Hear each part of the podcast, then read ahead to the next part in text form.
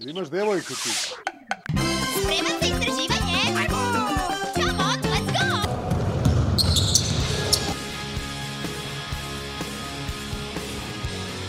Just gonna go out, get my blood, sweat, and tears.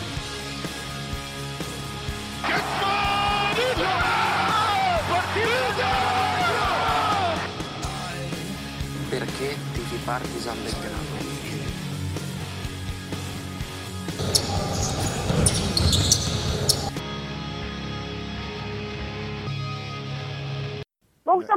nešto da kažemo o oba Yes, sir. Pozdrav histerikalci, dobrodošli u novu epizodu Košarkaške klinike u okviru ovog našeg podcasta Partizan Histerikal. Od našeg posljednjeg gosta e, Duleta Vujoševića prošlo je dosta vremena. Nije u pitanju naša neka lenjost, nedostatak ideja, niti vremena, nego prosto kada ugostite Duleta Vujoševića onda želite da i sljedeći gost bude jako potkovan što se košarke tiče, od koga može dosta toga i da se nauči, da se nešto novo i pametno čuje i moram reći da mi je veliko zadovoljstvo da u da kažem ovoj epizodi košarkaške klinike ugostim sasvim sam siguran jednog od najboljih, najboljih košarkaških analitičara sa ovih naših e, prostora, čoveka čiji je nalog na, na Twitteru nešto što mora da prati svaki zaljubljenik u košarku iz bivše Jugoslavije, e, čovjek e, čije, čiji YouTube kanal je takođe jako kvalitetan, gdje se mogu naći vrlo ozbiljne analize e, pojedinih klubova, trenera i tako dalje i čovjek čije kolumne i analize možete i da čitate na, na sajtu telesport.hr tako da imam zaista e, zadovoljstvo da predstavim Tonija Lazarušića. Toni, hvala ti puno na spremnosti da govoriš za naš podcast i da li sam možda nešto izostavio iz ovog uvoda? Pa, hvala tebi na pozivu.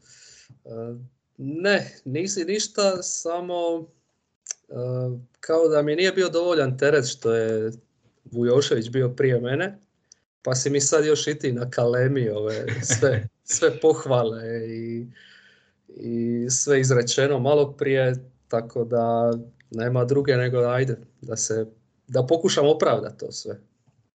Ja sam apsolutno siguran e, da hoćeš, pa za početak možeš da nam kažeš odakle ljubav e, prema košarci, u ovom nekom našem e, neformalnom delu razgovora pre nego što smo stisnuli ovo dugme za snimanje, pomenuo si da nisi trenirao košarku, a opet gledajući i pratići tvoj rad e, godinama unazad, čovjek može da primeti koliko znaš u košarci i može da zaključi da očigledno dosta toga čitaš, dosta slušaš i dosta na kraju krajeva i gledaš. E, ovaj sport, pa eto možda da nam objasniš odakle ljubav prema košarci da joj toliko vremena e, posvetiš.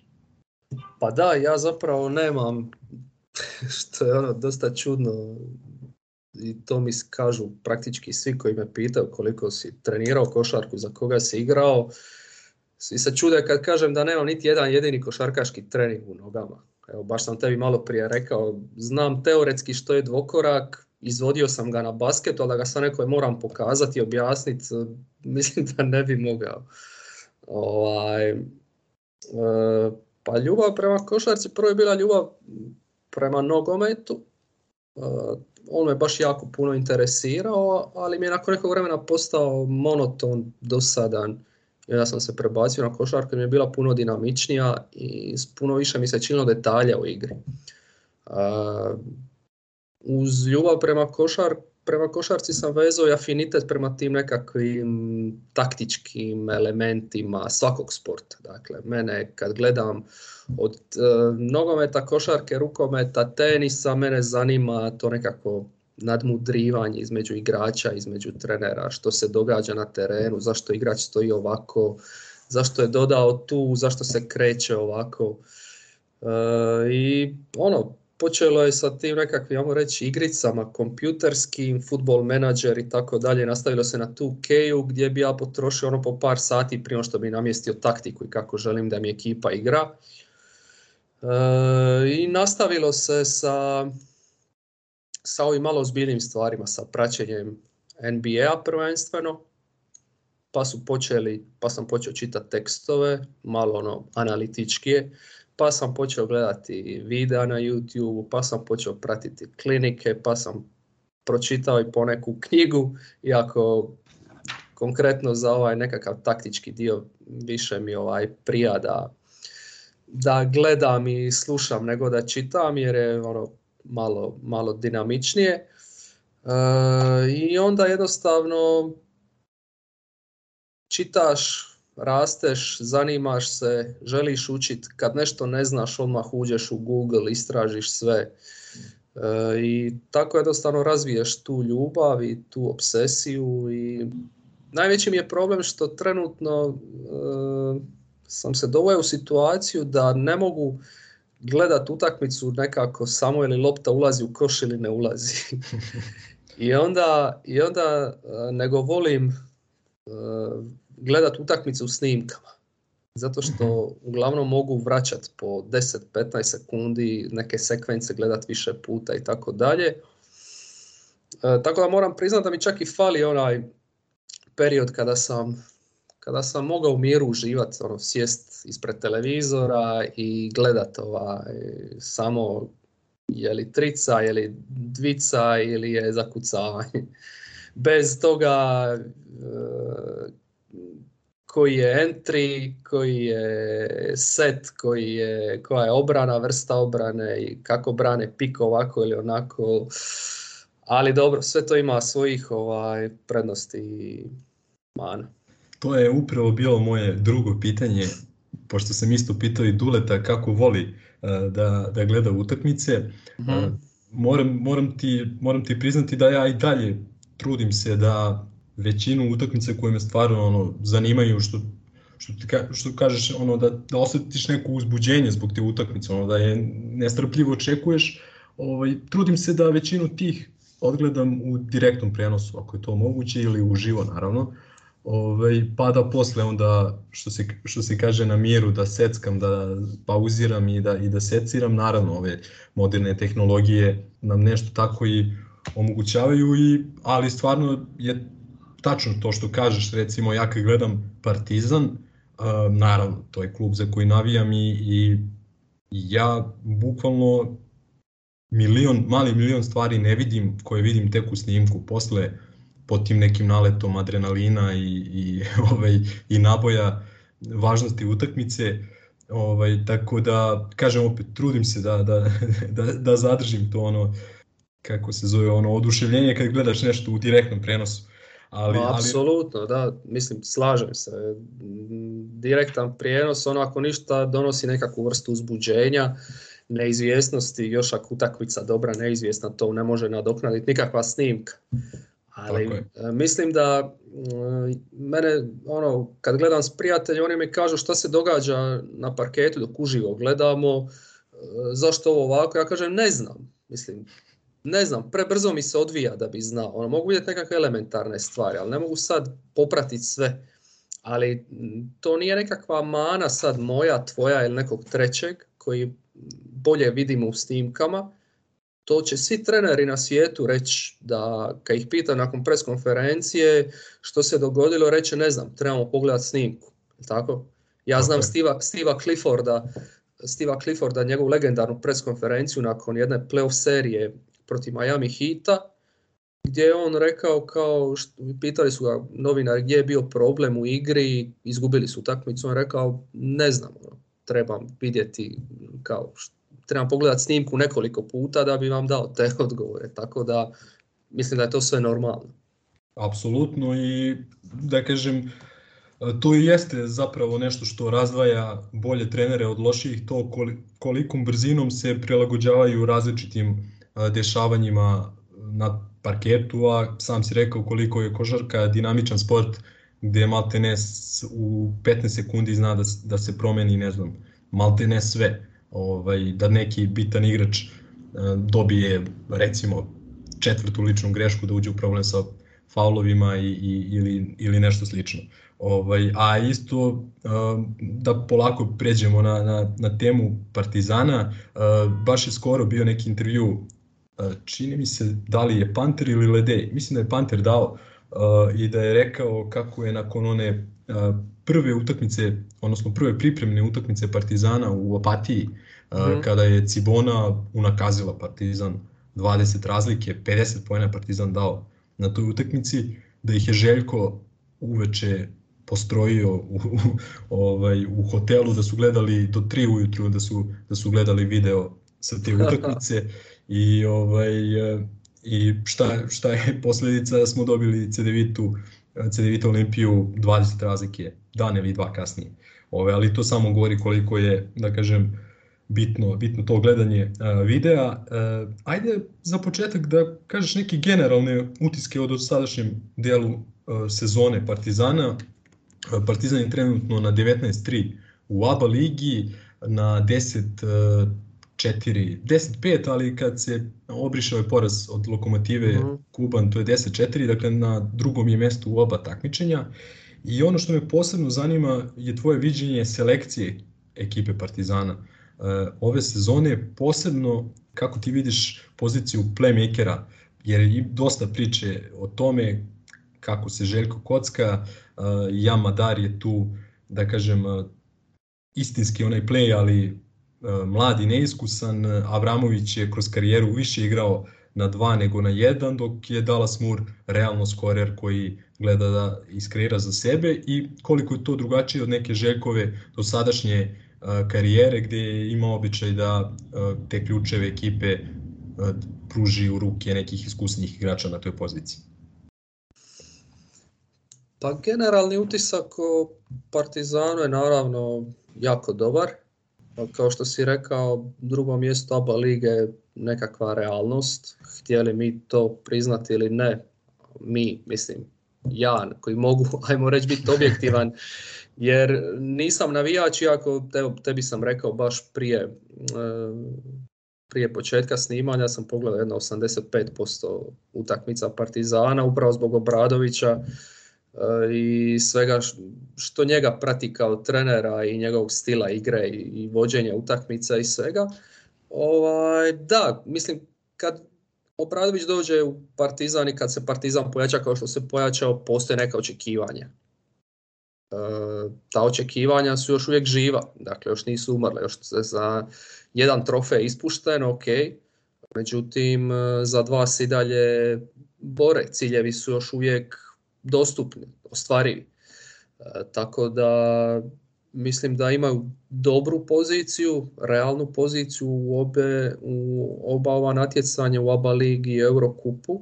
E, e sad, ono, izvukao sam i neke brojke koje mogu potvrditi da, da su stvari ono poprilično dobre za Partizan. Evo, na primjer, u ABA ligi e, drugi napad ABA lige i prva obrana.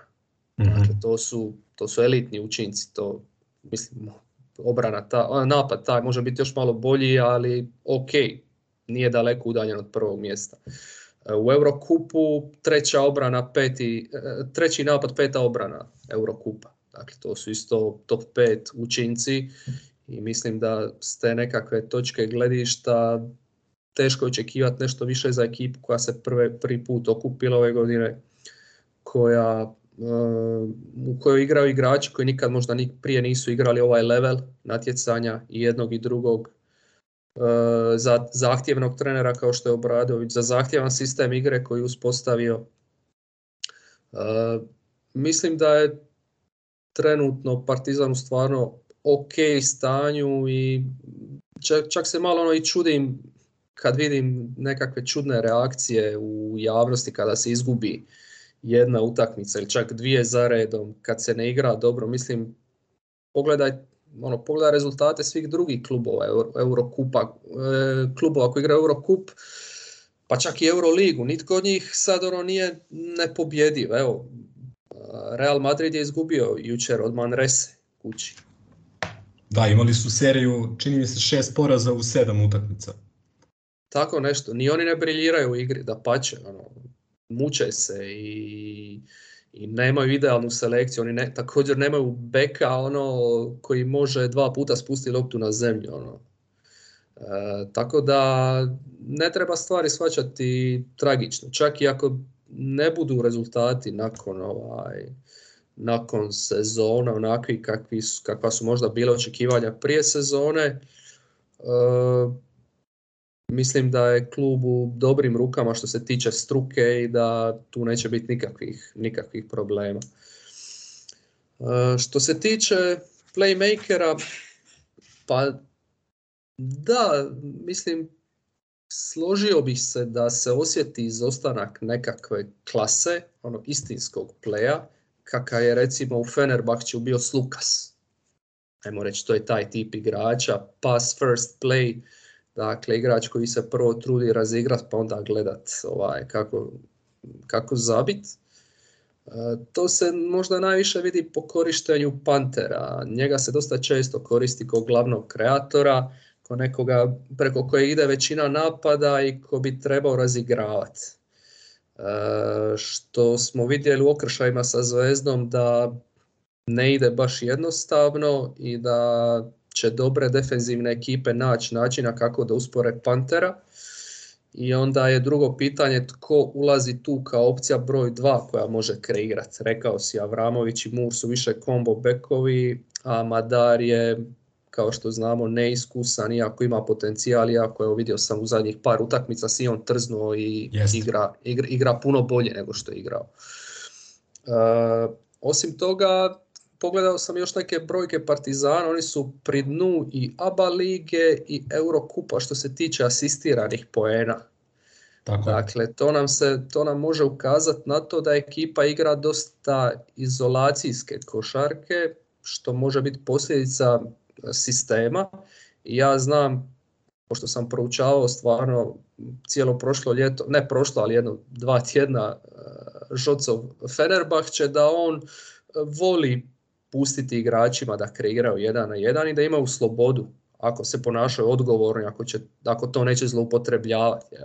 I tu se može vidjeti na primjeru Pantera koji voli igrati izolacijama, ispuštanju lopte ili Soru ili Deju pa i Avramović zna ono kad dobije, eh, kad dobije ovu izolaciju nekakav na sviću na vrhu trice i on zna igrati izo košarku i tako dalje. Dakle ima tu nešto i do sistema, ali ima nešto i do pleja koji, koji tu nedostaje i koji bi ono kada Panter stane i mm, kada nema ko kreira da bi uzeo tu loptu i, i povezao malo, malo te redove. Činjenica je recimo da Madar u posljednje tri, ajde kažemo tri utakmice izgleda stvarno dobro i to protiv respektabilnih rivala, protiv budućnosti Metropolitana i, i Mislim da je u svim imao E, dvocifren ili blizu dvocifrenog učinka i e, što se pojena tiče i po 5-6 asistencija, e, također protiv OK nije napravio ni jednu izgubljenu loptu i generalno je neki utisak da ekipa stvarno dobro deluje sa njim u posljednje vreme. Mhm. Mm, što se odbrane tiče također možda zbog njegove da kažem fizičke građe bi mogao biti meta napada protivničkih trenera, ali on se i što se toga tiče dobro drži i onako inteligentan je, snalažljiv je, zna da se postavi u pravo vreme na pravo mestu i svakako je jedan prospekt koga vredi e, istrpeti, to je nešto što je u Partizanovom DNK i ja mislim da je to jedini ispravan put jer ne možeš e, dovesti ne znam, šest pantera, niti ledeja, već mora neka vrsta kocke da se, da se, da se baci. Ove da. Ovaj, tako Mislim, ako, je ako je odabran taj put, onda mislim treba biti strpljivi i dočekati igrače jer Jamadar nije eh, bez veze osvajao i nekakve titule sa izraelskom reprezentacijom kao prvi drugi igrač te reprezentacije, nije bio, nije izabran na draftu bez veze nije se o njemu ono pričalo kao o sljedećem velikom izraelskom igraču, dakle ima potencijal je tu, samo ga treba pričekati. O njemu treba znati da je on e, do sada igrao samo tu izraelsku ligu koja ono, u kojoj se igra mm, pa ja bih rekao ono, vrlo neobavezna košarka u kojoj ono, su ogromne brojke i rezultati od preko 100 poena i tako dalje. Tamo, tamo nema 20 poena u proseku samo ko neće. Tako je, tako je. I sada dođe u jednu ozbiljniju, puno ozbiljniju ekipu sa ozbiljnim trenerom koji ima svoje zahtjeve, koji mu neće tek tako dati ključeve e, u ruke ekipe. E, naiđe na puno tvrđe obrane u oba ligi, je. u, u Eurokupu i naravno da će naići na ono što što Amerikanci kod Rukija zovu ruki zid, jel? To, je, to, mhm. to, se, to se događa i Madaru.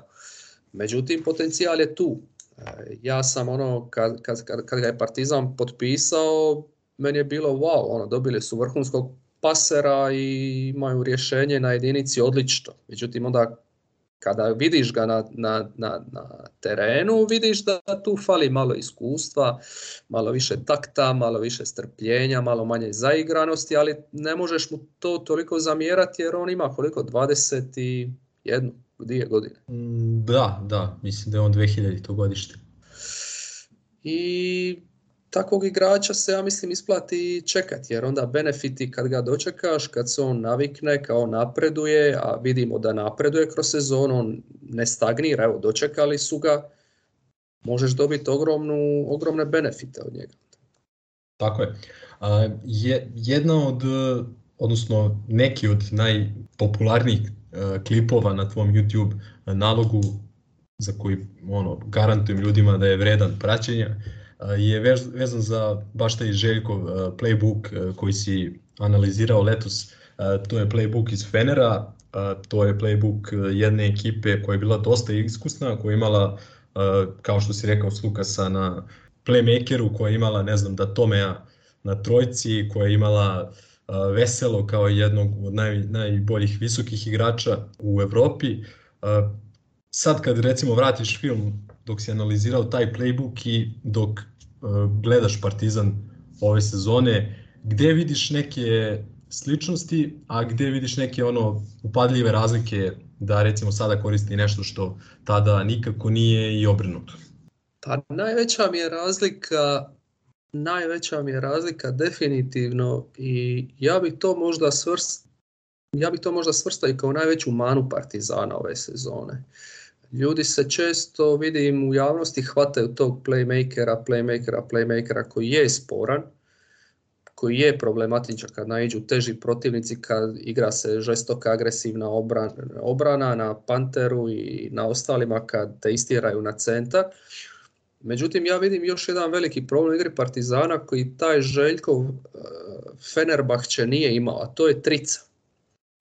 Eh, po meni ova ekipa ono, dosta često se muči sa pogađanjem ne šuteva preko ruke što su Fenerbahčevi igrači poput Dixona, Datomea, Bogdanovića mogli lakoćom pogađati, e, nego otvorenih šuteva. E, sad su se malo digli u oba ligi, ali bili su ispod prosjeć, mislim da su donedavno šutirali 32%, bili su tipa deseti.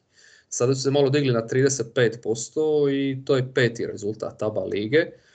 Međutim, u Eurokupu, u Eurokupu je Partizan po realizaciji trice na 15. mjestu od 20 ekipa. Mhm. Dakle, to, su, to je jedan problem ako ti ne možeš kažnjavati obranu koja se skuplja na Panteru, na Ledeju, na Muru, na, na, na bekovima, na driblerima, ako ti to ne možeš kažnjavati, a ostalom samo Bradović je rekao danas nema moderne košarke bez šuta za tri poena. Dakle, doslovno je to njegov citat. E, I to ja mislim trenutno, trenutno Partizanu nedostaje najviše u odnosu na, na, na, na Fenerbahče, kad već vučemo tu usporedbu to i još možda uh, igra visokih igrača. To mi se jako sviđalo kod, kod uh, Fenerbahčeja. Ti visoki igrači, Veseli, uh, Judo, Meli, pa čak i onaj Duverioglu, njega isto Obradović bio mhm. istesao da, da može funkcionirati u njegovom sistemu. To su igrači koji su znali raditi prvo fantastične blokove, to su to je bila nevjerojatna tehnika koju su oni koristili, posebno ono kad dođu i fintiraju da će napraviti blok u jednu stranu pa naprave onaj flip mhm. pa se okrenu u drugu stranu i tako prevare kompletnu obranu. E, I svi ti slipovi, hit and hold screenovi i tako dalje, to ne vidim još uvijek kod ovih visokih ovaj, igrača Partizana i manje su potkovanju tim nekakvim ili šutu, evo recimo Smajlagić koji je imao dobar ulazak u sezonu je malo nestao. Jednostavno ne vidim u njemu ne vidim jednu vještinu koja ga može držati na parketu, a da je napadački kao četvorka može koristiti. E, Koprivica se digao, da, on se također digao dosta u posljednje vrijeme. Lesor je igrač koji više voli e, da mu se lopta spušta u post mhm. nego što je nekakav e, roller, rim runner, što je recimo Veseli bio, ti ćeš jako rijetko, ti ćeš jako rijetko vidjeti na Partizanovoj utakmici trenutno nekakve lobove koje je zakucavao Veseli. Tako da i to je nekakva, i to je nekakva razlika. A sličnosti su, naravno, sličnost je prvenstveno ta ovisnost o pick and rollu. Obradovićev sistem u Feneru je bio ono jako puno oslonjen na pick and roll. Isto kao što je oslonjen i Partizan sa povremenim akcijama za šutere kao što su bili Bogdan i Datome i kao što su trenutno, ne znam, Glas e, ili Avramović ili netko takav. Panter naravno. E, tu imamo one željkove postulate o spacingu i kako se napada kada pik ide na double side, kako se igrači bez lopte kreću, kako se napada kada, i kako se igrači kreću kada se ide na single side i tako dalje. Dakle, taj nekakav ono bazični sistem igre je, je ostao isti i pick and roll je ono, osnovna i najčešća akcija. kad smo već kod e, pick and rolla, da se dotaknemo još jednog bivšeg košarkaša, o bože, trenera Partizana Andreja Trinkjerija, koji je također ono, gotovo zavistan od, od pick and roll igre i koji sam kaže da je e, ono što se kaže da mu je Željko bio uzor i mentor i recimo Partizan je ona, one sezone koja je nažalost završena prekidom iste zbog korone 2019-2020. Partizan je u momentu prekida bio prvi na tabeli, a mislim da je procenat šuta za tri poena timski u toj sezoni Partizana bio 33%. Mm ovaj, tako da očigledno može i sa, i sa tim nešto slabijim šutem za tri poena, ali onda moraš da radiš mnogo drugih stvari na, na nekom elitnom, na elitnom nivou. Ova, ekipa, ova ekipa Partizana recimo ima dobar skok. Uh, gledao sam procente i što se tiče Eurokupa mislim da smo onaj, na 59% onog rebound rate, e, total rebound rate. Ovaj, I da tu delimo drugo mesto sa još par ekipa. Mislim tu su već male razlike, ovaj, e, tako da se e, male razlike među timovima, ali tu smo recimo u vrhu.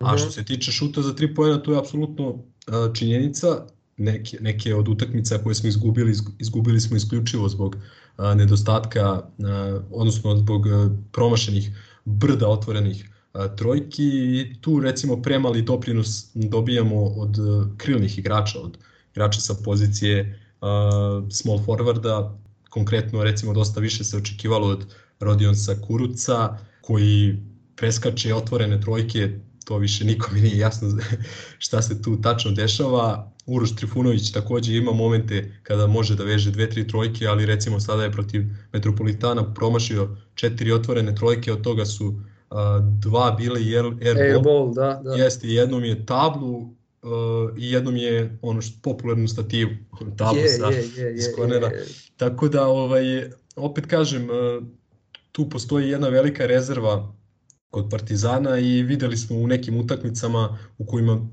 šut funkcioniše na prihvatljivo nivou, ne sad nekom elitom, ali prihvatljivo nivou, znači na 35 do 40% kad se pogodi kao recimo u Podgorici i tak, ili recimo u Hamburgu i gdje smo mm već, to je ono ne dobijena, dobijena utakmica. Dobijena utakmica zato što jednostavno igraju fantastičnu obranu i kad se spoje te dvije stvari onda je to to. I samo zaboravio si kod tih visokih igrača da spomeneš ledea Ledeja koji je trenutno naš najbolji šuter za tri poena i po količini šuteva, a mislim i po, i po procentu na 40, 41% je, što je zaista fantastično. To mi je, on mi je bio baš jako ugodno iznenađenje jer sam ga više doživljavao prateći Laniga u Milanu kao nekakvog snagatora koji više voli se kretati oko obruča. Međutim, evo, stvarno igra u, fantastičnoj formi što se tiče šuta. I čak ova zadnja utakmica protiv Zvezde u oba ligi koju je Partizan dobio, glavna, glavna uh, prilagodba Obradović u odnosu na prve dvije utakmice je bilo da se više pick, pick and rolla igra s ledejem. Dakle, s mhm. četvorkom se igra više pick and rolla nego sa peticom i on je tu kaznio nekoliko puta kroz pick and pop e, zvezdu, a osim toga on može i rollat, može i napast close out driblingom, tako da ono, Ledej stvarno e, zna na momenti bit neprimjetan i onda završi utakmica, ti gledaš box score, gledaš ono 14 poena, 7 skokova, 8 skokova da, da. E, I, I, efikasno sve, efikasno. 3 od 5 trica i vidiš ono, stvarno svaka čast. Ono. To je ovo, baš vrhunsko, vrhunsko pojačanje. E, ja, ja bi još samo tu oko, oko spacinga dodao jednu stvar, a to je da Evo, mislim, usudit ću se to napraviti, iako ovaj, možda ne bi trebao, ali Obradović, Obradović isto nekad zna malo e, s postavama se zaigrat previše u negativnom smislu. Mhm. Onda znamo gledat postave, evo baš sam gledao e, snimku protiv e, Turk Telekoma dok sam se pripremao za podcast jer su me zanimale neke stvari. Postava je na, na parketu bila Avramović, Kuruc, Zagorac, Smajlagić, Koprivica, znači all white, ja ih tako zovem, mhm. eh, gdje je spacing nikakav, ono, stvarno slabaš. Ili protiv, protiv Hoventuta, Zagorac, Dangubić, Madar, Smajlagić, Ledej, ono, isto vrlo, vrlo tanko.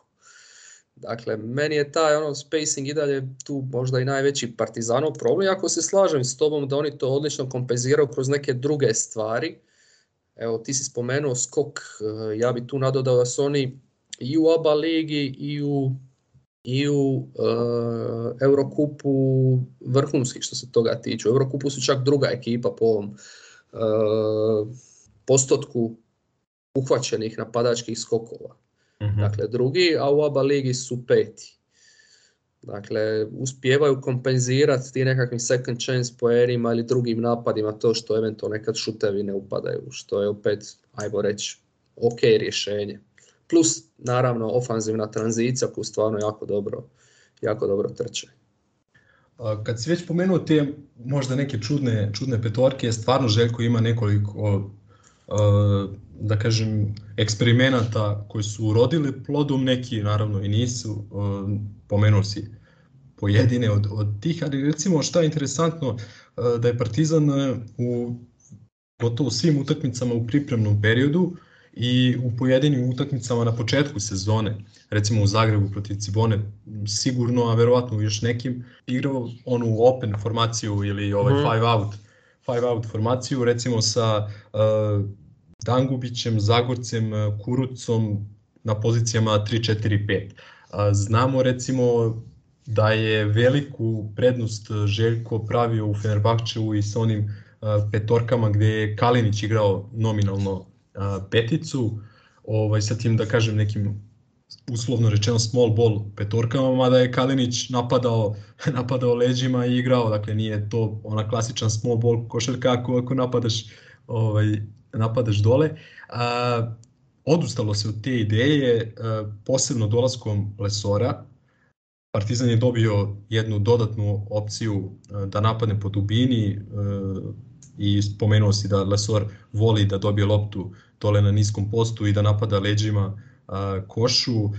ono što je vidljivo u posljednjih nekoliko utakmica je da i Balša Koprivica dobija sve više takvih lopti, da, da proba da razvija i taj aspekt svoje igre. Zato što pojedini aspekti njegove igre su već na zadovoljavajućem nivou, na većem nivou od nivoa na kome smo se nadali da će biti za jednog rukija. E sad, verovatno je to neki naredni, naredni ovaj, korak zanima me recimo kako vidiš odbranu, odbranu Partizana od pick and rolla. E, Lesor je ponekad kritikovan zbog te preterane agresivnosti. Da li ona može u nekom potencijalu kada se onako našpanuje i kada se onako tajminzi usaglase da donese, e, donese dosta toga Partizanu i e, posebno odbrana odbrana Koprivice, često vrlo aktivan gore na iskakanju, iako bi većina verovatno trenera za centra njegove visine i građe odlučila se na neku drop odbranu pick and roll. Mhm. E, samo bi ovaj, dodao za taj small ball i te, te postave e, niske, ajmo reći sa krilima, da je ono što sam, nema, nemam sad brojke, to je problem kad, kad ovaj, pređeš s praćenja NBA na praćenje europske košarke što ne možeš se igrati s onim postavama i gledat koliko ko ova, igra skupa i tako dalje, koliko koje se postave koriste, ali ono što sam primijetio je da Obradović uglavnom taj small ball postave koristi kad u e, rezultatskom deficitu, dakle kada stiže rezultat onda uglavnom stavi Ledeja na pet, Zagorca na četiri i eventualno tri beka igra ili, ili s Kurucom na četiri i tako dalje. Ali to je ono baš, baš rijetkost da se, da se igra. Izvini, izvini što te prekidam, ali recimo Sad, smo protiv Jugokeja imali kontraprimer gdje smo otvorili utakmicu dosta loše, e, što se tiče, ono, dopuštali smo dosta mhm. preuzimanja i e, ovaj visoki njihovi igrači su nam zadavali velike probleme i od prvih 20 poena koji je Gokea dala u prvoj četvrtini, ja mislim da je 16 bilo iz reketa, možda, i, možda čak i, i 18, ili, ili kroz e, penale koji su isto posljedica. I onda je Željko uveo uh, na poziciju 3, i sa Ledejem Lesorom na 4-5 i čini mi se čak sa Trifunovićem na dvojci. Dakle, sa jednom baš onako uh, big ball uh, postavom je uspeo da preokrene utakmicu. Znao je nekoliko puta ove sezone da završava sa istom tom, recimo protiv studentskog mhm. centra u, uh, u Podgorici, gde smo takođe dosta studentski centar je visoka ekipa, oni imaju nekoliko igrača viših od 210 i generalno su onako fizički dosta moćni za, za ABA nivo i ovaj, dosta nam je problema zadavala ta njihova visina i, i dužina i onda je i to rešio tako što smo poslednje 2-3 minuta uh, Smajlagić je stavio na protivničkog playmakera da se svaki onaj da se svaki e, pick and roll preuzima i da se smanji svaki potencijalni e, mismatch. Tako da viđali smo svašta i ovaj, pa zaista je imalo šta da se vidi. I protiv FMP-a je bilo nekoliko ideja da recimo Brysa Jonesa se brani sa Lesorom. Lesorom, tako. Da, Lesorom, da. To nije baš najbolje ispalo. Nije, najbolje ispalo, ali e, ja, ja cijenim tu ideju, znaš. Ja nekad, čak i ako ishod nije onakav idealan, ja nekad volim vidjeti ideju i cijenim kad netko nešto pokuša uh, kad netko pokuša biti aktivan, kad je neko aktivan kad razmišlja ono, izvan kutije što kažu Amerikanci. Je. Tako da opet nije završilo dobro, Bryce Jones je tu isprobio Lesora i zabio nekoliko poena, ali opet vidio sam ideju što se želi s tim postići, pa ajde ok, bilo, bilo mi ok. Ali da, da se vratim na obranu, e, pa mislim da je izbor obrane bio u skladu s personalom. Dakle, kad imaš ovako mladu ekipu, kad imaš pa čak i dosta atleta i brzih igrača na rosteru, e, ok je igrat ovo što Partizan igra. Posebno, posebno, posebno ako e, želiš postići neke stvari čak i, za, i u napadačkom smislu. Ova obrana koja je agresivna, u kojoj se često igra denial obrana, u kojima se igra žestok pressing, čak neka i po cijelom parketu, u kojima se jako puno puta protivnici mogu vidjeti da igraju svoj napad na centru praktički, toliko zna biti ova partizanova obrana agresivna, e, donosi neke a to je ili da se protivnički napad uspori ili da ga se tim presingom pokuša ubrzat ili se gube lopte pa iz toga ide lagana tranzicija. Dakle, to, je, to mi je sve nekako u skladu, u skladu s personalom. E, naravno, ta šema ima i neke svoje minusa, to je da ostavlja korner tricu ranjivom, da su visoki igrači često izvan pozicije pa zna e, štekati obrambeni skok. Zna se dogoditi da je zadnji igrač obrane bek koji ne može dobro zaštititi obruč. E, Ranjiv si iz tih nekih short roll situacija gdje te igrači mogu secirati s corner tricama ili ako short roll prati baseline cut, odnosno kretanje uz čeonu liniju, znaju ti onda zabiti, na obruč i tako dalje, ali to je sve mislim svaka obrambena šema ima svoje nekakve minuse, pa tako i ova, odnosno ovo što pokušava Partizan igrati, to je agresivno na pick and rollu s iskakanjem, dakle taj nekakav hedge, blitz show, kako god to nazvali. Ovaj, ali mislim da to funkcionira odlično jer Lesor... Što, što potkrepljuju brojke, rekli smo da smo da. prva odbrana ABA ligi i druga odbrana Eurocup. Tako je, to je to. E, tu se stvarno nema što zamjeriti igračima jer stvarno se kreću vrhunski, imaš Lesora koji je, pa i, Dan, i ovoga Koprivicu koji su jako mobilni, e, koji mogu iskakati i onda se vraćati brzo u reket. E, imaš tu neke duge igrače koji mogu pokrivati dosta prostora na strani pomoći. Imaš pa čak i krila nekakva koja nisu idealna, ovaj, ali se trude i stvarno daju se od sebe i Zagorac i Dangubić kad uđu. Ja bi jedino kritiku uputio Kurucu, jer sam od njega očekivao puno više. Meni je možda čak od njegovog napada problematičnija obrana. E, evo, vratio bi se na utakmicu protiv Hoventuta u Španjolskoj koju sam ono gledao tada i baš sam na Twitteru napisao od prvih, ja mislim, devet pojena, osam ih je palo preko njega. Jer nije pokrio rolera, igrač mu istrčao iz bloka, nije ga pokrio i takve stvari. Od njega sam očekivao puno više zato što sam ga u Brooklyn Necima gledao dosta i vidio sam da je atleta, da dobro drži poziciju, da može braniti izolacije, da može preuzimat. Međutim, ovdje ne znam, nije mi to taj igrač. Ne radi mi razliku i mislim da čak ni, u ni, ni Obradović i ljudi u Partizanu nisu sretni s njim u oba smjera, ali mislim da mi je problematičnije trenutno to kako igra u obrani nego u napadu. Jer ja sam očekivao da on prvenstveno obrambeno tu napravi veliku, veliku razliku jer znamo da Partizan zna dosta i svičat, preuzimat on je tu također trebao biti nekakva prevaga, trebao biti prevaga kao taj nekakav krilni obrambeni igrač koji će braniti, ne znam, Kalinića, a onda se ispostavi da je čak Trifunović bolje branio Kalinića od njega. E, eto, on je nekakav minus i ekipe znaju dosta napadat Pantera, recimo Turk Telekom izgradio cijelu svoju napadačku strategiju preko napadanja Pantera tu Panteru je teško nešto zamjeriti, on stvarno je isto igrač koji radi u obrani. On, ne možemo reći da on jebi vjetar, ali ima neke svoje limite, ali ono malo je, nema toliko fizičke snage, e,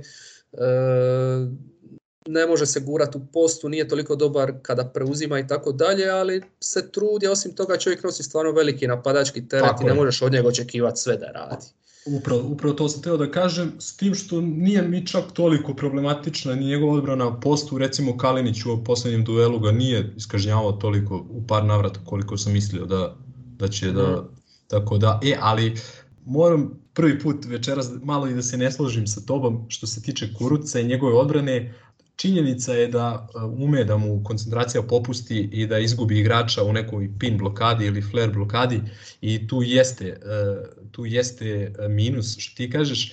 Međutim, on je meni i dalje najbolji odbrambeni partizana na lopti i u tom nekom kada, kada preuzme nižeg igrača baš imam poverenja. Dobro, naravno, desi se uvek da, da, da ga neko probije, ali vrlo često se zna taj napadač da odustane od e, pokušaja da igra na jedan s njim i da prebaci loptu na, na, drugu stranu, da se potraži neki drugi mismeč i da nije opravda očekivanja svakako nije, ja sam jedan od njegovih da kažem, od ljudi koji dosta veruju u njega i u njegove mogućnosti, međutim tu očigledno postoje e, neki problemi i ja i dalje se nadam da ćemo uspeti da ga malo oporavimo i da ga dignemo jer bi nam njegova neka kvalitetna rola u završnici sezone dosta, dosta značila, a recimo koliko može da nam znači pokazuje u prvoj utakmici protiv budućnosti gdje je, ne znam, DJ Silija sveo na, ne znam, čini mi se dva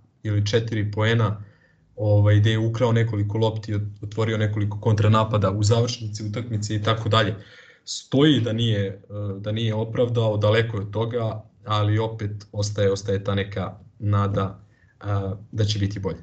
Pa mislim, super je što se ne slažemo, naravno da se ne moramo slagati, jer svako može utakmicu gledati ono, svojim očima i imati svoj stav o bilo kojoj temi.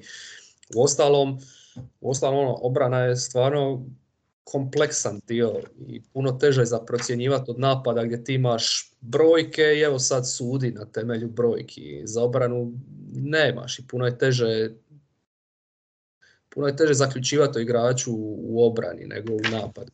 E, I posebno zato što obrana ima toliko elemenata. Sad, jel mi pričamo o izolacijskoj obrani, jel pričamo pick and roll obrani, jel pričamo o obrani na strani pomoći, jel pričamo obrani o obrani, obrani tranzicije, u postu i tako dalje. Naravno, da apsolutno ima svojih pluseva, e, međutim, evo ja, ja osobno kad bi stavio e, na vagu njegovu obranu i napad, meni se on više lakše ću ga podnijeti u napadu jer recimo dobro se kreće bez lopte, dobro finišira u tranziciji. Pa čak tu i tamo ne šutira puno trica, ali kad šutne postoticu mu solidni što je najgore. Kad šutira on nešto i zabije. Ma onaj njegov, ja mislim, true shooting i ono, effective field goal je ono odličan, ne znam, 70%. Zato što je većinu toga ono, u kontranapadu ili na nekom protrčavanju završi da. na obruču ili iz ofazivnog skoke. Ove, ovaj, ali, ali da smo očekivali više, stvarno, stvarno jesmo. I mean, he's a winner, so that's what I want to be a part of, that's what I want to be known as. Um, I see what he's doing here. He's trying to bring Partizan back to uh, the great years of the history and in the past. And I'm humbled and blessed to be able to come here and work every day to be a part of that.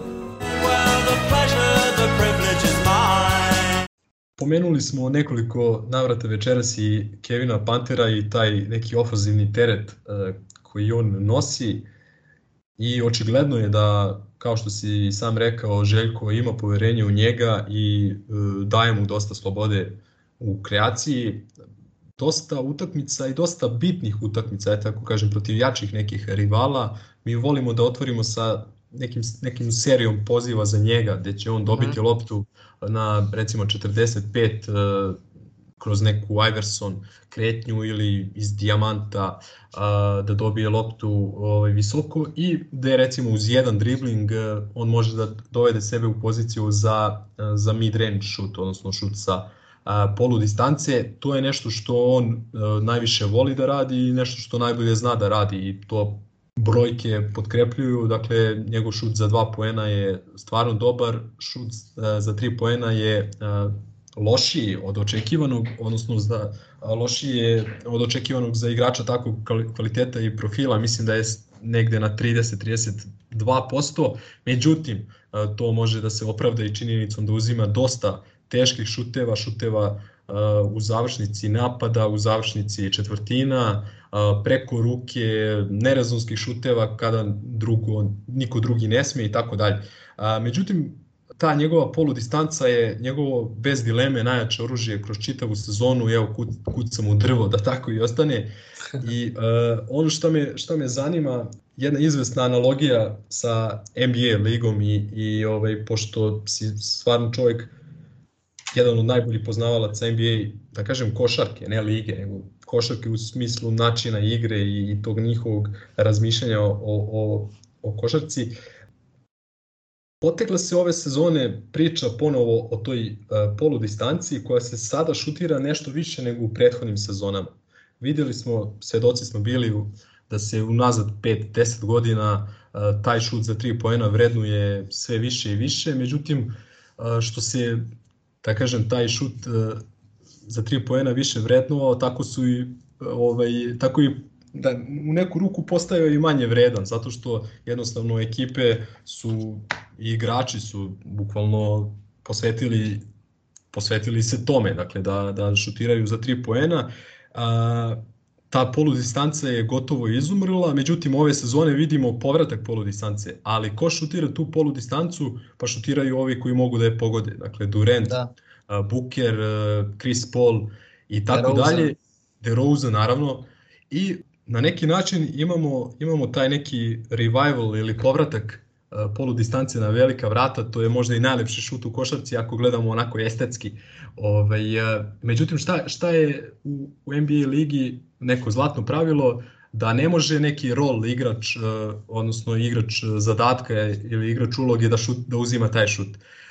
Već to mogu stvarno majstori koji su u stanju da taj šut pogađaju visokim procentima. Nešto slično je ovdje slučaj i sa Panterom gotovo niko drugi u ekipi Partizana ne uzima te šuteve osim njega. Da, da. E, to ljudi, ljudi često znaju da bi se obračunali s analitikom ili ne znam nija čim, e, onda sad ove sezone posebno trljaju na nos e, kao mid range nije umro, ko kaže da je poludistanca umrla, pa onda se vade brojke, evo ti prvi na istoku, Sansi, Booker, Paul, jedno najboljih šutera s polu distance, eh, MVP, jedan od kandidata DeRozan, jedan od najboljih šutera s polu distance, jedan od najboljih igrača lige je Kevin Durant koji živi na polu distanci. Ok, sve to stoji, ali upravo kao što si ti rekao, niko nikad tim igračima nije zabranili, rekao ne može šutirati polu distancu, jer to je njihov šut i oni su brutalno efikasni s tih pozicija. Međutim, opet kao što si rekao, ni, ti šutevi više nisu dozvoljeni igračima e, kao što su, ne znam, Trevora Riza ili Marcus Smart, Smart e, ili visoki igrači. Prije Al Horford živio od polu distance i bio jako dobar šuter. Međutim, preselio se na tricu zato što možda nije bio dovoljan s distance, a osim toga mm, spacing je puno bolji kad igrač stoji u korneru nego kad stoji u kratkom korneru, ono, dva koraka unutar trice. E, tako da postoji puno tu razloga i zašto se, zašto se dogodilo to što se dogodilo s distancom, zašto su roleplayeri prestali šutirat, ali ona nikad nije bila e, zabranjena igračima koji je stvarno seletnim postocima mogu, mogu zabijati. E, Panter je baš, baš taj tip ono, koji, kojemu malo treba prostora da se digne s nje, kojemu je dovoljno jedan blok da on izađe iz njega, da se digne i potegne polu distancu i realizira je sa visokim postocima. E, kao što si opet i rekao, on je definitivno najbolji kada ima pripremljenu akciju za sebe, i kada se dogodi strčavanje, izađe iz bloka, njegov visoki igrač je osta, njegov igrač koji ga čuva je ostao iza njega, on se zaustavi, šutne to, zabije bez problema i, i to je to. E, naravno, opet e, i drugim nekim igračima u Partizanu i oni imaju dozvolu šutnut e, polu distancu, recimo Zagorac se voli namjestiti u postupa, šutira ovaj, onaj, svoj fade away E, Dallas Moore. Da, Dallas Moore, tako i Madar. E, Madar je čak e, u, Izraelu kad sam gledao njegove highlights, ostalo mi je to da je jako dobro znao se kad se igra drop protiv njega se zaustaviti. Pa evo sad i protiv OK pogodio, mislim, dva šuta s polu distance, baš na taj način. Dakle, iskoristi blok i svog igrača drži na leđima i pogodi taj šut negdje sa lak, tamo reći.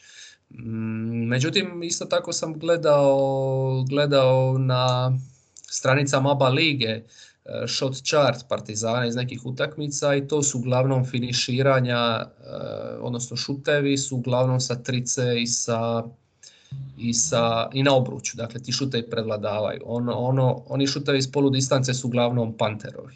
Da, da. Ovih bude, ovih ostalih bude malo i to tako i treba i, treba i da ostane. Ovaj, a što se tiče Madara, on ima onaj svoj neki signature move uh, gde ovaj, iz rollinga ume da podigne eh, mid range sa kontra noge, onako dosta težak, dosta, mhm. iz dosta teškog položaja eh, tela uspe da, da usmeri se dovoljno da i da potegne uh, šut koji mu obično ulazi. Ovaj, I generalno on ima, po mom mišljenju, izuzetno pravilnu mehaniku šuta i mislim da ovaj, e, i brojke naravno to pokazuju da je već sada sasvim dobar šutera, mislim da kako bude i neko iskustvo i samopouzdanje e, dolazilo, da će onda bira još bolje šuteve i da će da bude e, još veća pretnja. Ovaj, pa da, on je, on je iz potapa stvarno super, ono, on će sve te trice koje, na koje se može namjestiti, ima malo vremena da ih šutne iz mjesta, on će to zabiti, ali evo u zadnje vrijeme vidim da zabija ponešto više iz driblinga, tako da to je ono stvarno super bonus za ekipu.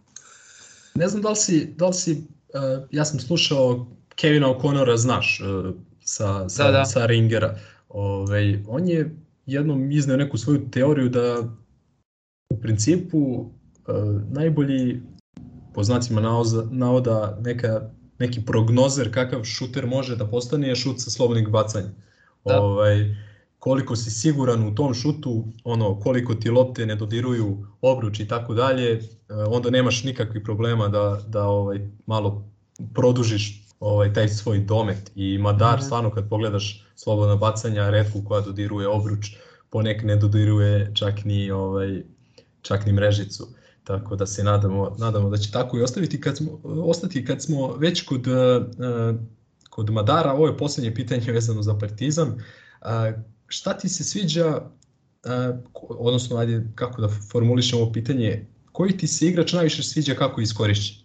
Odnosno šta, šta ti onako naj, onako iz tog nekog zanatskog x and e, ugla, šta ti je zanimljivo recimo, mad, šta me asociralo na Madara, one Riki uh, kretnje. Aha, gde on, da, on baš, baš se insistira na tome da on baci za ljude koji možda ne znaju baci pas visokom igraču ide, dobija blok od drugog visokog igrača i od tog istog igrača dobija blok u kontrastranu dakle, ovaj, mhm.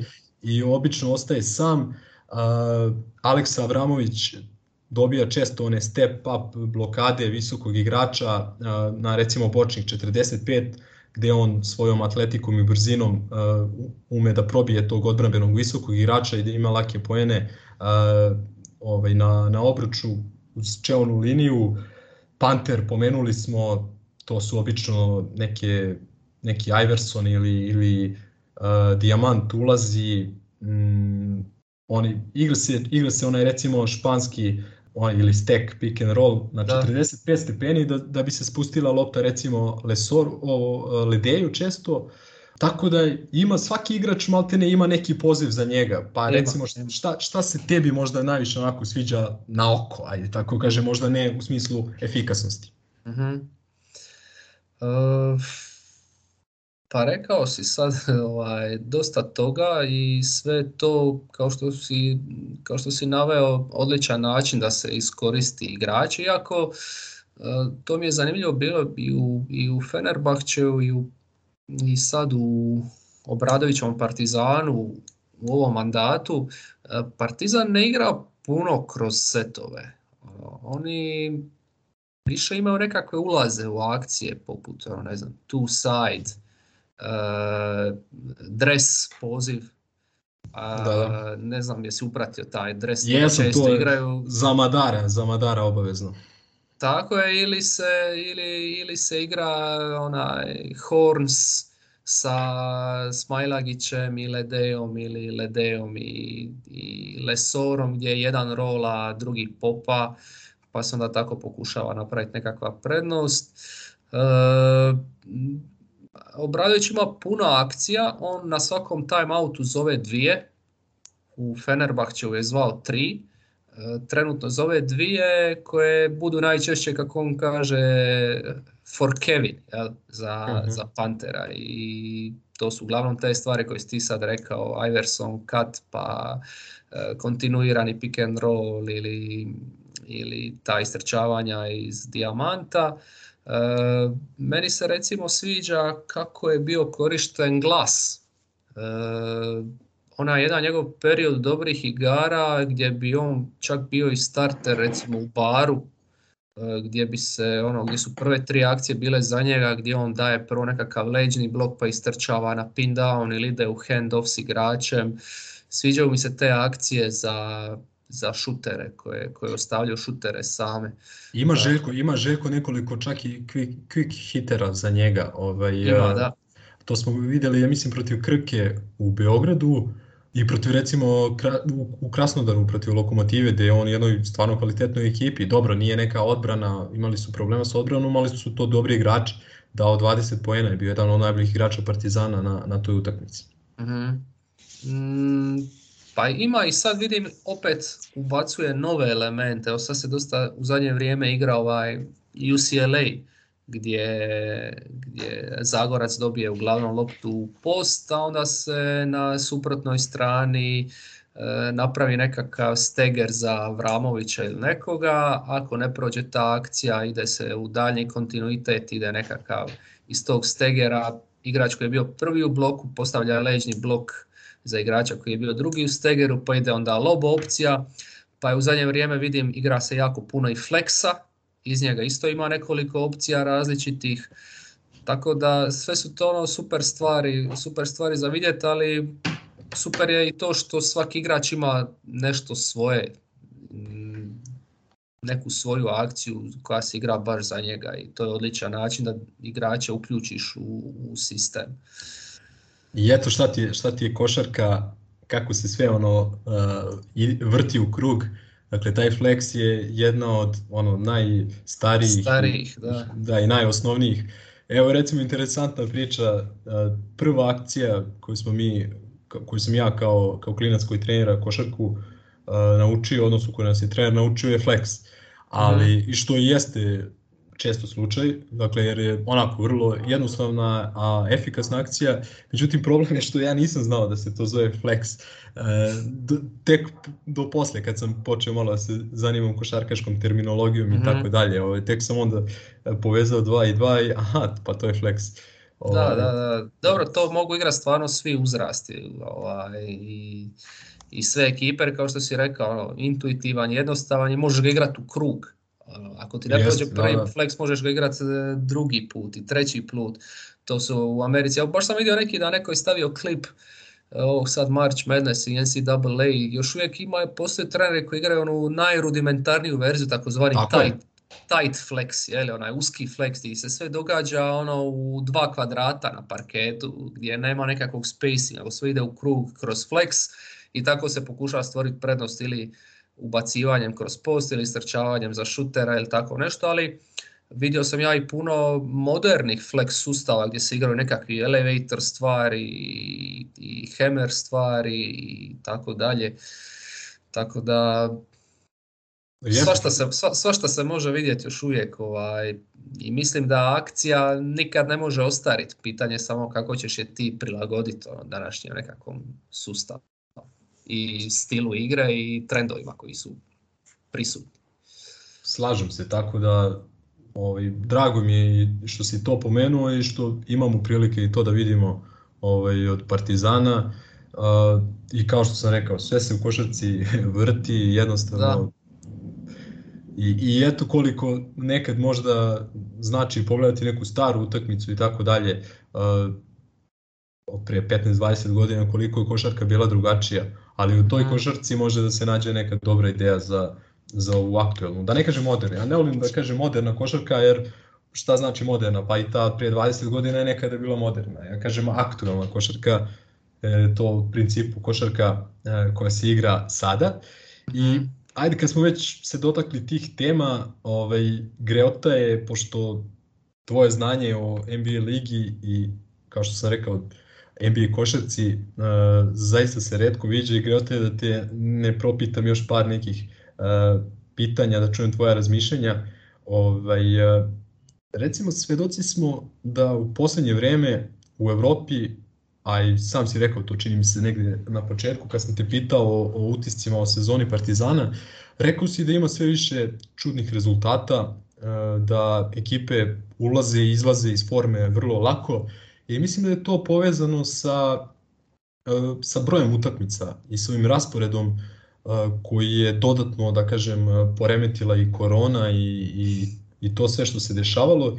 I ja recimo kad uporedim e, evroligaške utakmice od pre 15-20 godina i sada nekako presi utakmicu imao na dve, tri nedelje i tu utakmicu si spremio ono do tančina, znao si svakog igrača protivničkog, kako napadati, kako ga braniti i tako dalje. Sad se eh, sve više okrećemo tim nekim principima eh, koji su popularni u NBA ligi, jer prosto tamo ne možeš svako večer da pripremaš eh, se za protivnika, već moraš da veruješ tim nekim svojim principima, kako ofanzivnim, tako i defanzivnim.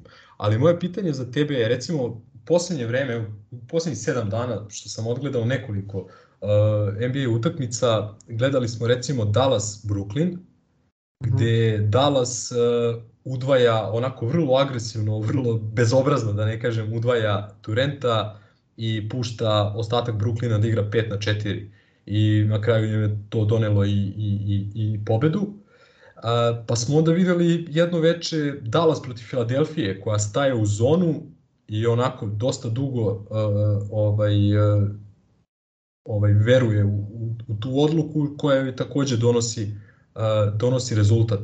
Hoću reći da mi se čini da su sada su se malo kao da su se situacije obrnule, kao da sada NBA gleda da prekopira to nešto iz Evrope što je dobro, a to je ta neka priprema za, za, za utakmicu, naravno u regularnom dijelu, mhm. uh play da ne pričamo to posle, to je ono kvantna fizika što se NBA tiče u play ali a da su u Evropi sve više baziramo na taj neki američki stil da, da se poštuju principi, a da se manje, da se manje spremaju utakmice. Pa da li imaš ti taj utisak i da li možda ja grešim ili, ili sam na nekom dobrom tragu? Pa mislim da si na dobrom tragu, eh, ali postoje, postoje jasni razlozi zašto se to sve događa bar po mom nekakvom viđenju. Evo, ako ćemo pričati o Europi, mislim, mislim da sam negdje slušao Trinkjerija u nekom ovaj podcastu gdje je rekao baš to da jednostavno nema više toliko vremena za pripremati utakmice jer igraš svoje domaće prvenstvo, igraš kup, igraš onda Euroligu, znaš nekad imaju po tri utakmice tjedno, i jednostavno više se toliko skautingu i tim nekakvim pripremama utakmice gdje do, u detalje znaš suparnika ne može toliko posvećivati vremena, nego se moraš osloniti na nekakvu svoju baznu obranu, na nekakav bazni napad, ne možeš sad spremati specijalne akcije, specijalne obrane. I on je rekao da se trudi što manje opterećivati igrače tim nekakvim taktičkim stvarima. I je naveo baš jedan primjer gdje, izgubili su, gdje, je njegova ekipa izgubila, davno je to bilo, mislim, ne radi se sigurno o Partizanu, Euroliga je neka bila u pitanju, koju je vodio sa, je li to bio e, Bamberg ili netko takav, ne znam, ali... mislim, mislim da je Kantu, Kantu Makabi, mislim da je, da je, mislim da znaš, da, da znam o čemu pričaš, ovaj, ja mislim da je ta mm, utakmica. joj, ne znam. E, ajde, ja ću ispričati, pa možeš ti ispričati na što si mislio. E, gdje Gdje on rekao, izgubili smo 30 razlike i sad su očekivali igrači za sljedeću utakmicu da ću ih ono uništiti s pripremom i tako dalje, međutim on im je dao odmor, ništa se specijalno nije radilo, kaže čak ono se nije nešto ni ono, treniralo previše i došao im je Olimpijakos i dobili su tu utakmicu, kaže. Oni, to je ono njemu bio znak da ne mora e, da se ne mora forsirati ništa što se tiče ovaj što se tiče pripreme utakmice, nego da je nekad bolje jednostavno igračima dati malo da, da dišu, da, da se ne zasite. Sad ne znam je li to ista priča koju si ti čuo od njega nije, nije, ono nije ista priča, ali mislim da je slična priča kada je rekao da jednostavno odradio, mislim sve odradio kako kao opet bi uradio isto, dakle opet bi hmm. igrače branio na isti način kao što je branio tada i oni su izgubili, ne znam, 15-20 razlike, ali kao šta sad, mislim, evo recimo imali smo primjer finale Kupa, gde je recimo Stefan Marković koji do sada u sezoni nije dao, ne znam, 15 pojena, sve ukupno pogađa 10 poena u, u nizu toga dve trojke, čini mi se, mi smo to svesno prepustili i ovaj šta, šta da kažeš, ovaj ili šta bi oni mogli da kažu na činjenicu da im je Avramović postigao 33 poena i ne znam, sedam trojki preko ruke, mislim da možda i jednu otvorenu pogodio. Ovaj tako da to je jednostavno to je sport, to je košarka, ti treba da uradiš sve što je do tebe da da potkrepiš to nekim dokazima, nekom istorijom Ovaj, e, a onda poslije naravno na igračima, na igračima na terenu, to je Trinkieri voli da kaže, e, ja mogu da odradim najbolji posao na svetu i da izgubim utakmicu, a mogu i da ono uradim prosečan ili ispod prosečan posao i da moj igrač onaj poludi da nam direktno donese pobedu i da mi pobedimo.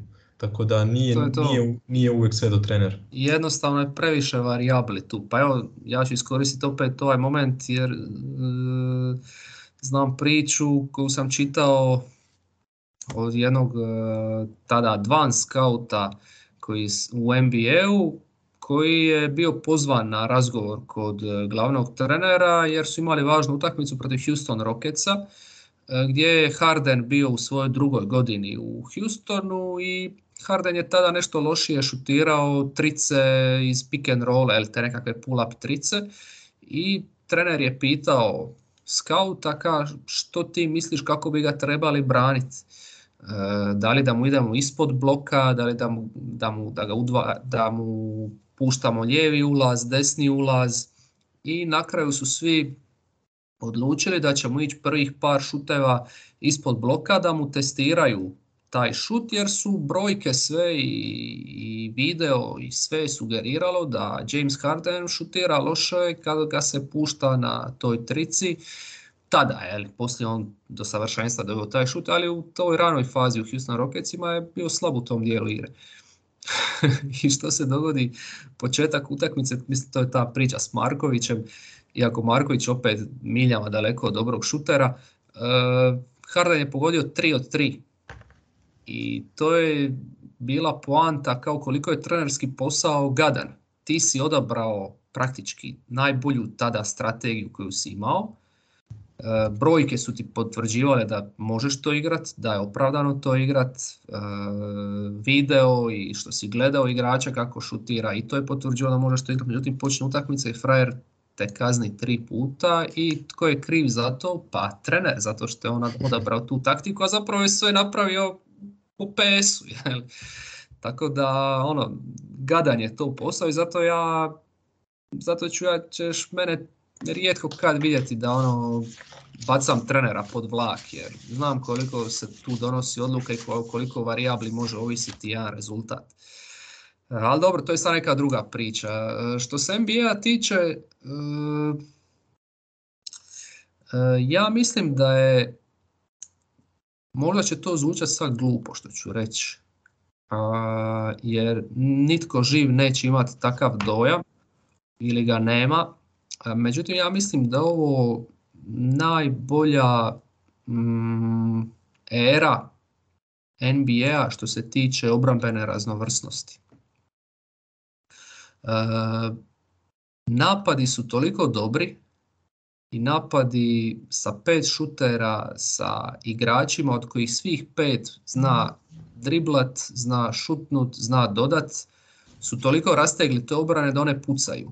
I treneri traže alternativne sve moguće načine i obrane da se nekako uspiju oduprijeti oduprijeti tome. Zato možemo vidjeti sve više zone u NBA-u, zato možemo vidjeti sve više iskakanja. Evo Minnesota koju gledam jako puno u zadnje vrijeme igra taj stil isto agresivni kao Partizan s iskakanjem, s puno rotacija i tako dalje. E, čak i s nekim principima ovoga Nexta što i Partizan mhm. koristi u obrani, jel tako? E, jednostavno su treneri dovedeni pred zid da moraju smisliti E, da moraju igrati raznovrsno da bi ta obrana donekle funkcionirala. Pa onda koriste i switch, pa onda koriste i drop, pa onda koriste nekakve kombinirane zone, pa onda koriste i skakanje. I mislim da su današnje najbolje obrambene ekipe one koje mogu igrati raznovrsne stilove. Koje mogu malo switchat, koje mogu malo iskakati, odnosno one koje se mogu prilagođavati protivniku iz večeri u večeru. Mislim da je to budućnost mislim da je to nekakva budućnost, da će one momčadi koji imaju takav personal koji se može, koji se može prilagođavati protivniku iz večeri u večeri, koji može igrati različiti tip obrane, da će te biti obrane oro najbolje, najbolje u ligi. A reci mi, reci mi jednu stvar, e, šta misliš, da li za to sve ima određenog utjecaja i činjenica da imamo sve više trenera iz Europe koji su e, na stafovima, trenerskim stafovima u e, NBA, dakle ne znam, zaista dosta trenera postaju e, asistenti, prvo kroz G ligu pa onda i tako dalje, pa onda se dosta trenera i vraća, dakle i vidimo te neke koncepte iz NBA-a da se e, prenose ovdje, recimo mm Scariolo igra dosta onaj pistol ulaz je, akciju, je, znači Split ne znam, isto, da. Da, Schillera smo imali u, u ovom, kako se zove, u Žalgirisu, tu je Spahija koji također dugo radio Eh, u NBA i tako dalje. Da li misliš da ima neke razmene, što se kaže, ono inteligencije između Evropi i NBA, pa i, da i to rezultuje eh, činjenicom da imamo raznovrsnost kako tamo, tako i ovdje? Pa, apsolutno. Mm, ne samo da se razmjenjuju igrači između dvije strane, nego se razmjenjuju ideje, a treneri su nositelji tih ideja. I ja sam siguran da svaki trener u NBA-u koji drži do sebe će pogledati što se igra u Europi, a isto tako bi trebali i europski treneri da vide što se igra u NBA i što je moderno, što isto primjećujem da se dosta NBA koncepata u zadnje vrijeme koristi u Europi.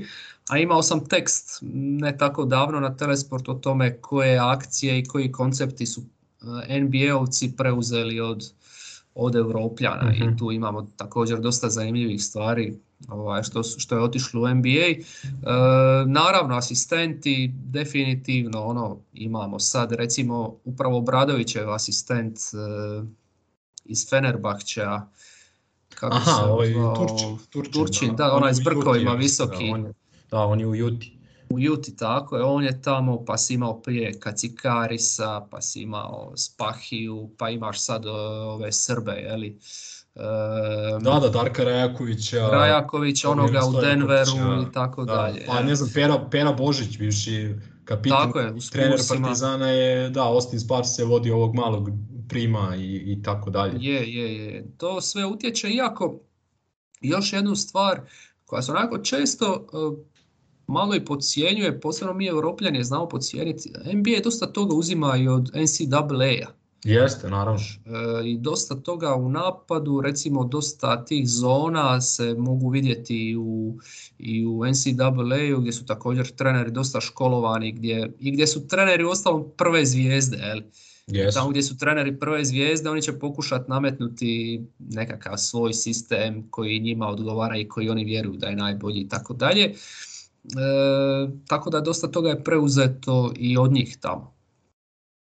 Kako ne, kako ne, istorijski je to mnogo bilo bitno, da, pomenuli smo Flex, pomenuli smo UCLA, Kat, zašto se on zove tako? Pa zato što je proslavio legendarni trener tog univerziteta i, Bude, i, da. da. i tako dalje.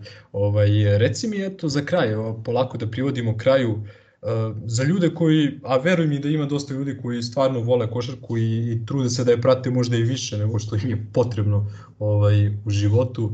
Eh, koga možeš preporučiti od američkih novinara, analitičara, bilo da su pisani mediji, Twitter nalozi, YouTube kanali i tako dalje. Koga ti onako voli, čije mišljenje eh, izuzetno ceniš? Eh, pa ovako, što se tiče tekstova tu mislim da je Ringer dobra mhm. opcija, dakle ti si rekao Kevin O'Connor, Dan Devine, Jonathan Charks eh, Rob Mahoney, dakle oni su svi na Ringeru, vrhunski autori, uh, eh, Zek Lov, naravno sa mm-hmm. ESPN-a, njegovi podcasti i tako dalje. Eh, ovako, ova, ova neka problematika X's and koju ja preferiram definitivno half court eh, hoops, eh, coach Gibson Piper, jeli, koji ono ima legendarni kanal na Twitteru, legendarni YouTube kanal Twitter Nalog, tako je. Uh, basketball Immersion, mhm. oni su mi tako, on mi je također odličan, oni isto također znaju ono, stavljati zanimljive koncepte i tako dalje čekaj, baš da otvorim YouTube tamo, pošto ovaj, imam svoj, ovaj, pošto sam pretplaćen na sve te. Aha. Uh, Slap in the Glass, da, definitivno. Njih se isplati zapratiti na YouTube-u i na, i na i na sad, Twitteru. su, sad su iza sad malo. Je, je, je, ali isto stavljeno neke isječke i tako dalje, zna, zna, zna, zna se vidjeti zanimljivih stvari i recimo Thinking Basketball, uh E, odličan je taj Ben, Taylor, mislim. ben Taylor, baš onako vrhunski. Uh, on Meni radi... onaj Prada, Mike Prada mi je dobar. Mike Prada je dobar, on manje piše u zadnje vrijeme, ali ima ali super napisao take-ove. knjigu. da, da, napisao knjigu o razvoju baš taktike i košarke, spacinga i svega ostalog. I dolaze neki mladi ljudi koji se meni jako sviđaju i čije tekstove volim pročitati kad stignem, iako sam prije jako puno čitao sad manje, e, Nekajas Duncan, uh Jackson Frank i Mark Schindler. E, oni su na Twitteru i njih trojica su onako baš baš posvećeni NBA košarci, prate u detalje i aktivni su i na Twitteru, aktivno pišu E, snimaju podcaste i tako dalje, tako da ako želite baš malo pratiti to, malo, malo više ući u problematiku i košarkašku NBA problematiku, eto njih se isplati pratiti. I da, Steve Jones Jr., Steve Jones Jr. ako želite pratiti ono kilometarske tredove o jednoj utakmici što se događa na parketu, onda njega obavezno zaprati na Twitteru jer lik e, guta ogromne količine utakmica, on je bivši video koordinator i asistent u Brooklyn Netsima i Memphis Grizzliesima i stvarno radi vrhunski posao što se toga tiče nekog aspekta. Još tri vrlo kratka pitanja, ne moraš da... Samo ovaj, daj! može li Atlanta u play-off? Naravno, pitan zbog Bogdana Bogdanovića i činjenice da, ako se ne varam, ti izuzetno ovaj, gotiviš tu, tu ekipu, a, verovatno zbog personala, ne znam. Ovaj, to je jedno pitanje. Drugo pitanje, da li misliš e, da Davis Bertans ima mesto u playoff rotaciji? Zato što je počeo malo bolje da igra u Dallasu, digao je brojke što se tiče šuta, ali ga s druge strane dosta napadaju i dosta pojena postižu preko njega. I treće pitanje, ono najnezahvalnije, daj e, kako se zove neku prognozu e, finala i kola sve. A čekaj, moram priznati da sam malo razočaran što već spominješ igrače Partizana za meni najdražeg od svih tih njih nisi spomenuo. Ovaj. Ček, ček, koga? Ha. Dakle, imamo bivšeg igrača Partizana u NBA-u Bogdanovića, Bertansa i Lendila. jednog iz Pursa, Lendila, da. Pa ne znam, ona si je napustio ono, u sred sezone, te ne, tako da... da, da, da, da, znam, znam da je neka priča e. bila, znam da je neka priča bila. Ali, ali nam je donio, donio nam je jedan kup onako na jedan dobar način, tako da je mhm. ostao, ostao lepo seći. Meni, meni vrlo drag igrač i žao mi je što nikako da se izbori ovaj, za mjesto u Spursima. Možda povratak u Europu ne bio loša opcija, znam da su ga ono, tražili i Olimpijakos i Efes bili prije što je otišao u Spurse. Ehm, baš mi se ono sviđa igrač, i zadnji olimpijski igrač što je igrao za Australiju, baš bio dobar. mm dobro, ali da se vratim na pitanje, Atlanta, playoff može, ali mislim da nema šanse mislim da nema šanse napraviti podvig kao što su napravili lani, jednostavno ova ekipa će na remont ne funkcioniš. Ehm, ne funkcionira, jednostavno je previše istih igrača, previše igrača koji ne rade razliku, ako je moraš platiti ili si već platio i tu će se neke stvari morat, morat mijenjati. Bogdanović e, igra dobro, ali ne tako dobro kao lani. Opet su bile neke sitne ozljede i tako dalje. Gležanj taj ga muči. E, mislim da je najveći problem što mu trica ne upada ni blizu kao lani. Ta brojka se srozala za 9%, ali sa lanjskih 44% gdje je bio najboljih šutera na pozicije pao na 35%. E, to su onako to je ozbiljan pad, djelomično uzrokova, pa nekakvom jednostavno lošom formom, bez da sad tražimo duboke razloge, ali djelomično i zato što je ove sezone primoran puno više kreirati e, i uzima puno više šuteva iz driblinga. Lan je igrao puno više u sistemu i više je bilo akcija za njega. Ono, bilo je neki flopi akcije i tako dalje koje je instalirao baš za njegove sezone, toga puno manje a i njegova selekcija šuta iskreno zna nekad, zna nekad biti dosta, dosta upitna.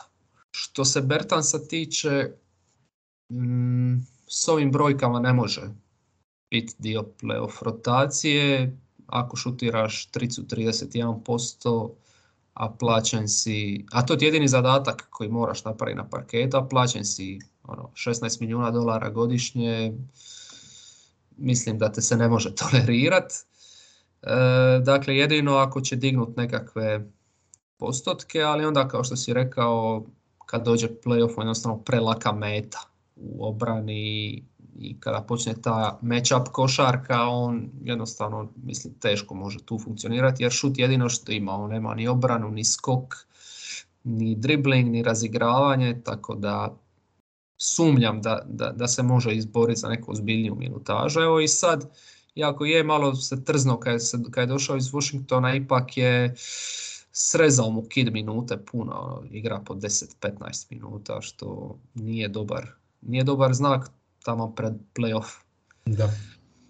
I finale pa... Hmm, mm, Sansi definitivno figuriraju kao broj jedan na zapadu i mislim da imao dobre šanse da opet igra u finale. E, a na istoku to mi je stvarno nezahvalno prognozirao. Cijelo vrijeme govorim, naravno svima je nezahvalno, nisam ja sad iznimka, e, jer je toliko masu ujednačenih ekipa, ti imaš 5-6 ekipa koje se mogu legitimno nada da mogu završiti kao prvi na istoku igrati veliko finale, ali mm, ja bi opet nekako išao s Milwaukeeem Pitanje je ovaj. koliko je to prvo mjesto dobro, imajući vidu da te vjerojatno čeka Brooklyn u prvoj. Tako da. E, pa ja mislim da će Brooklyn ipak isplivat kao sedmi u tom play-inu, da će onda, uh da će onda ići na drugog. uh A da će za, za a da će prvi igrat protiv osmoga, to bi mogao biti nekakav Cleveland, Toronto, eventualno Atlanta, Charlotte, a da će, da će, ovaj, da će Nets ipak biti sen. A znači- dobro, ali to je mislim ista stvar. Znači kažeš Phoenix Milwaukee, tako? Pa mislim da bi opet mogli gledati reprizu, ali stvarno kažem taj istok, mislim ono, evo sad je Boston ispliva u zadnje vrijeme kao ekipa koja igra najbolju košarku na istoku. Protiv, Milvo, protiv Miami-a nitko ne želi igrati Eh, sad Bulls i Sixers su ipak mislim razred ispod, ali opet znaš i tu ima jako puno talenta. I, ima, ima ono. kvaliteta, ali eto ako će ono, eh, da ti bude lakše, ja mislim da je Milwaukee eh, mhm. tu kandidat broj jedan vidim da... Da, se... Nece nismo ni spomenuli čovječe. Ovaj. Pa nismo, ali znaš šta, tu je stvarno dosta upitnika, da li će Kairi igrati na domaćim utakmicama. Svi Simons, šta, šta će konačno biti sa njim, šta je s ovim, bože, Harrisom, da, da li on uopšte može da se oporavi. S druge strane vidimo da se Brook Lopez oporavio za, za Milwaukee, mhm. evo ga na terenu. oni imaju to neko iskustvo, sad već i prelaženja nekih prepreka, nekih ono poteškoća, to neko šampionsko iskustvo i zato mislim da i Golden State ovamo može, pod uslovom naravno da Steph e, bude zdrav i da bude u formi i da što manje pate e, ovaj, na toj poziciji e, pet Ovaj, tako da mislim opet nekako stvarno odavno nije bila sezona ovako dinamična i sa toliko preokreta i sa toliko ekipa koje figuriraju za taj neki visoki plasman i nadam se da će playoff opravdati očekivanja i eto ti si prognozirao Phoenix a, Milwaukee, ja kažem Golden State Milwaukee, pa možemo se čujemo kada se završi da vidimo. A na kraju će da bude, ne znam, ono, e, kako se Juta, ne znam, e, Boston, tako da, ali dobro, ne, nemam ništa protiv ni to da bude. To ovaj, Toni, hvala ti puno na izdvojenom vremenu, uh, ubeđen sam da će ljudi koji uh, ovo odslušaju da će uživati, da će dosta toga novog i e, naučiti.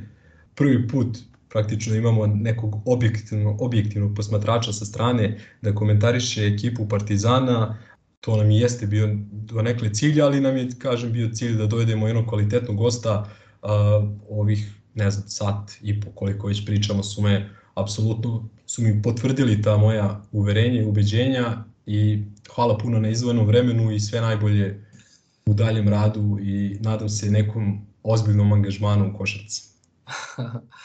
E, pa također, sve najbolje i tebi i ekipi koja s tobom snima podcast. Hvala naravno na pozivu i što si mi dopustio da izbacim sve uh, i sebe što se tiče Partizana i što sam gledao ove sezone i da se razmašam s ovim nekim pojmovima koji inače kad snimam s bilo kim drugim podcast moram paziti da ne koristim previše jer ovaj, slušatelje ili s onoga s kim pričam često to ne zanima ili ne žele slušati o tome.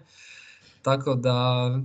Ne, ovo, ovo, je, sigurno je kuća za sve nas, košarkaške fanatike i ludake, znaš, tako da bez, bez brige. Odlično, treba, treba jedno takvo mjesto i ako bude trebalo, rado ću se opet vratiti, tako da Hvala ti čujemo se, vidimo se. Ništa, držim te za reč. Hvala ti puno i pozdrav. Pozdrav. Ćao, brate. Zalim ti prijetna dan.